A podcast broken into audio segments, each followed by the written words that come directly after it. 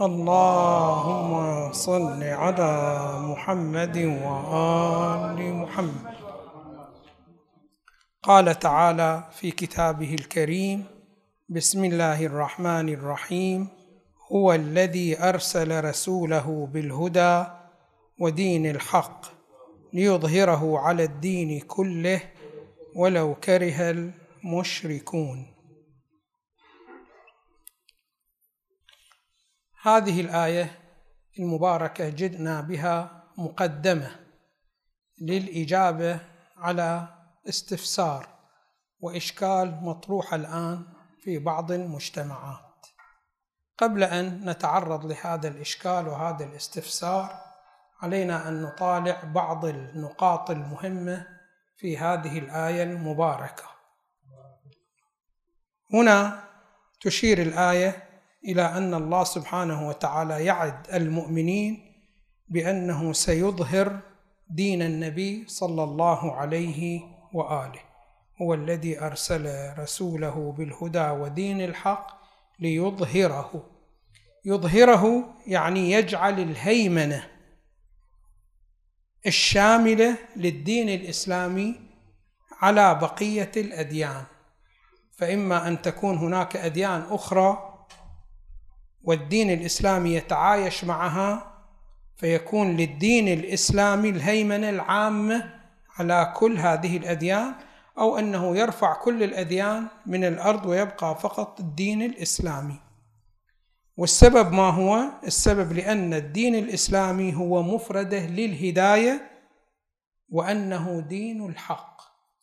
والله سبحانه وتعالى قال بأن البقاء إنما يكون للشيء بقدر ما ينتسب إلى الحق. فباعتبار أن الدين الإسلامي هو مفرده من مفردات الهداية ومفرده من مفردات الحق وسنبين ما هو المراد من الحق فإنه سيبقى. هذه شنو هذا؟ نقطة. النقطة الثانية كل دين من الأديان الأخرى التي هي غير الإسلام فإنها لا بد وأن تشتمل على مفردة من مفردات الشرك. كل دين.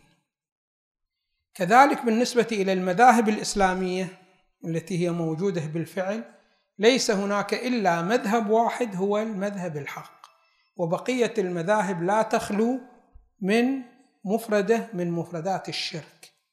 والله سبحانه وتعالى وعد نبيه صلى الله عليه وآله أن يجعل الهيمنة العامة للدين الإسلامي على بقية الديانات ويجعل لمذهب الحق هيمنة على بقية المذاهب. هذه مسألة. المسألة الثالثة أن هذه الآية في الواقع هي تبشر المؤمنين وتحمل فأل الشؤم إلى المشركين الذين هم غير الإسلام وغير المذهب الحق. فإنه مهما الآن الآن الهيمنة طبعا كما تعلمون ليست إلى الإسلام وإنما الهيمنة الآن لبعض المذاهب غير الإسلام وهي التي شنو ماذا تؤثر بمؤامراتها على الإسلام. هذه المذاهب وهذه الديانات لن يطول أمدها. فإن الله سبحانه وتعالى يعد النبي صلى الله عليه وآله بأنه سيظهر الإسلام على هذه الأمور. الأمر الآخر البعض أشكل قال بأن الحياة تشتمل على حيثية وهذه الحيثية حيثية ثابتة. الحياة الدنيا تشتمل على حيثية وهذه الحيثية هي حيثية ثابتة وهي حيثية التطور.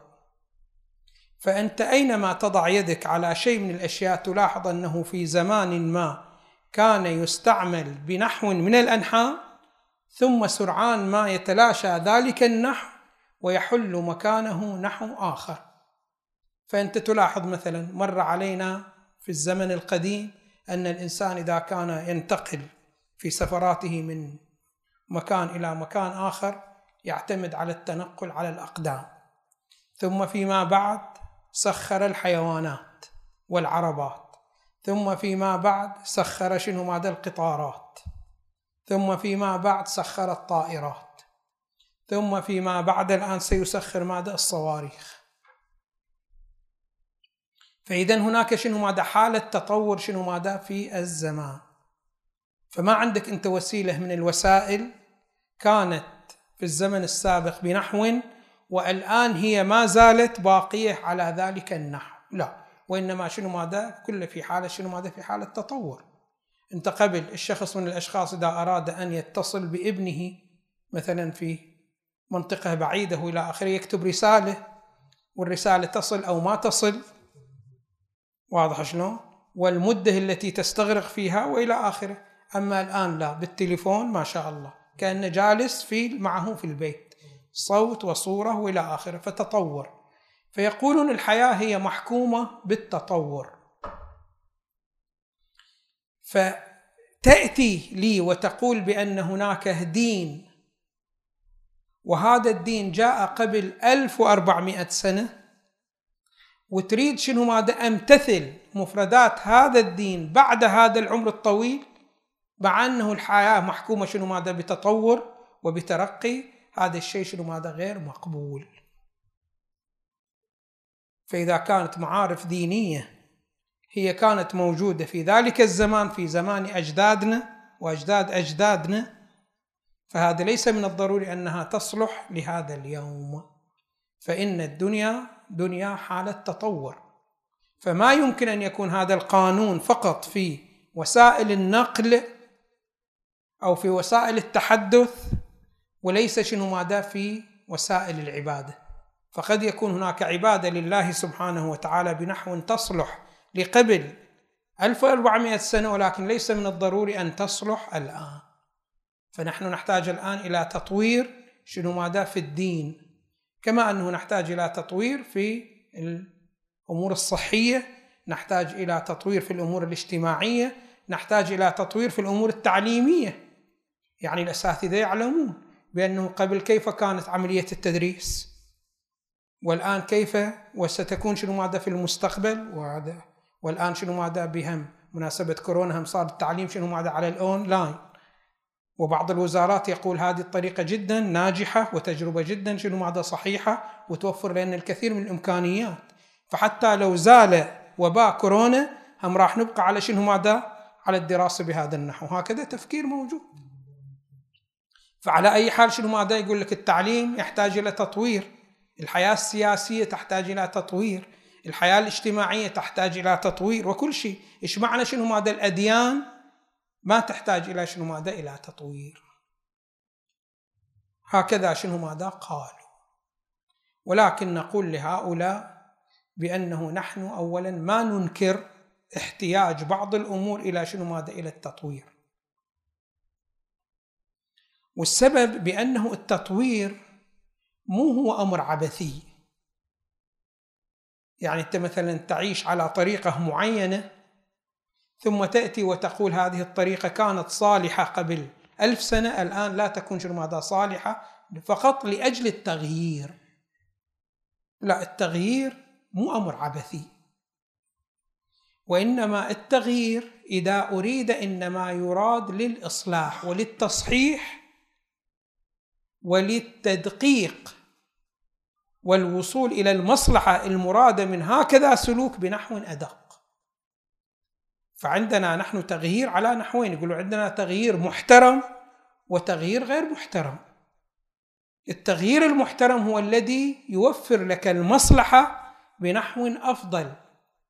وأما التغيير الغير المحترم فإنه فقط لأجل التغيير فقط.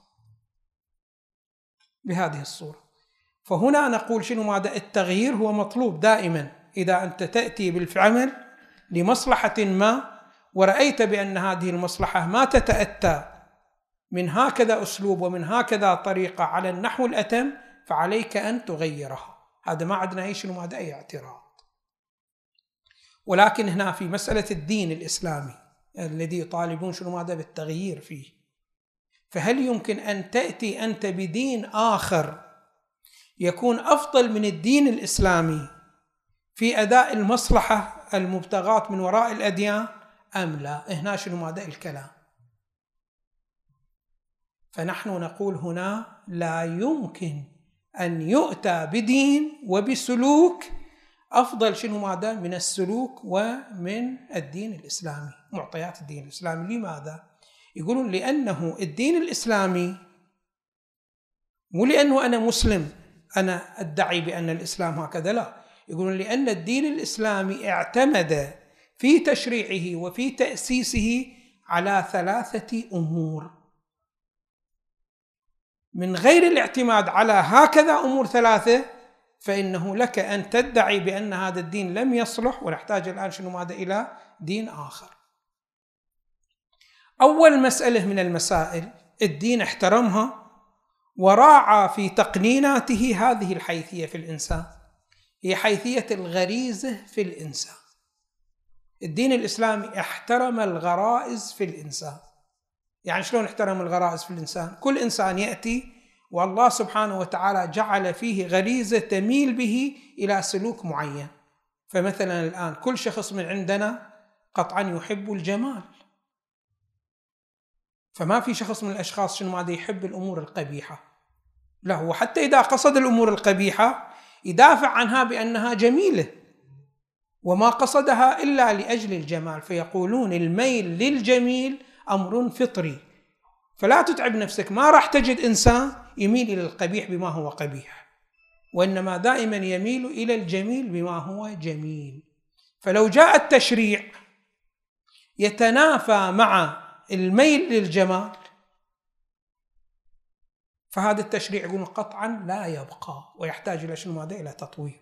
لأنه يصطدم مع ماذا؟ مع الأمور الغريزية. مثلا إحنا شاهدنا المذهب الشيوعي جاء وكان يعمل ليل نهار لإلغاء الملكية الخاصة. يعني يصير كل اشتراكية. كان شنو ماذا؟ المذهب الشيوعي هكذا. وكان له من الأموال الذي تدعمه وقوة السلاح ما شاء الله. بعد كان الاتحاد السوفيتي هو الذي رافع هذه الراية والصين. يدعو إلى إلغاء الملكية الخاصة ولكنه سرعان ما اصطدم لأن الملكية الخاصة تميل يميل إليه الإنسان بفطرته. فالإنسان دائما شنو ماذا يحب؟ التملك. إذا دائما الإنسان إذا عرضت عليه شراكة وعرضت عليه شنو ماذا؟ تملك واختصاص يقدم الشراكة والاختصاص يقدم الاختصاص وما يلجأ إلى الشراكة إلا إذا كان شنو ماذا؟ ما عنده رأس مال يوفي هكذا مشروع وإلا ما يتجه إلى شنو ماذا؟ إلى الشراكة ابتداء لماذا؟ لأنه في فطرته يميل إلى شنو ماذا؟ إلى التملك الخاص فعندما يأتي مذهب من المذاهب يريد شنو ماذا؟ ينهي هذا الشيء ما ينجح هكذا شيء هذه شنو ماذا الإسلام يراعي هذه المسألة المسألة الثانية التي راعاها الإسلام مسألة التكوين الخارجي. فيدرس واقع الإنسان في الخارج والكون الخارجي. فإذا أهمل الواقع الخارجي وواقع الإنسان في الخارج فإن هذا التشريع ما يمكن شنو ماذا أن يستمر. فلاحظوا الآن أنا قبل مدة طلعت على باحث غربي كان يبحث في مسألة الختان.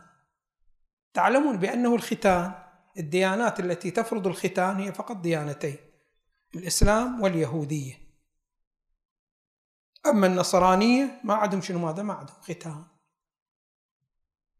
فهذا الدكتور كان شنو ماذا؟ يبحث. فبحث في واقع الإنسان وواقع الكون الخارجي. فرأى أنه كثير من الأمراض تكون في الأشخاص الذين هم لم يتعرضوا للختان بينما الأشخاص الذين تعرضوا للختان هم بمنأى وببعد جدا عن مثل هكذا أمراض. لأنه بعض الميكروبات ما تتوفر في هكذا حالات اللي شنو ماذا استعملوا الختان. أما الآخرين اللي ما هذا عندهم شنو ماذا؟ ما شاء الله من الأمراض التي مرتبطة بهذا الشيء. ثم فيما بعد هو نفسه. قام يبحث شنو ماذا بحث آخر. قال بأنه الختان إيجابي بلا إشكال. ولكن متى يصلح الإنسان أن يختتن؟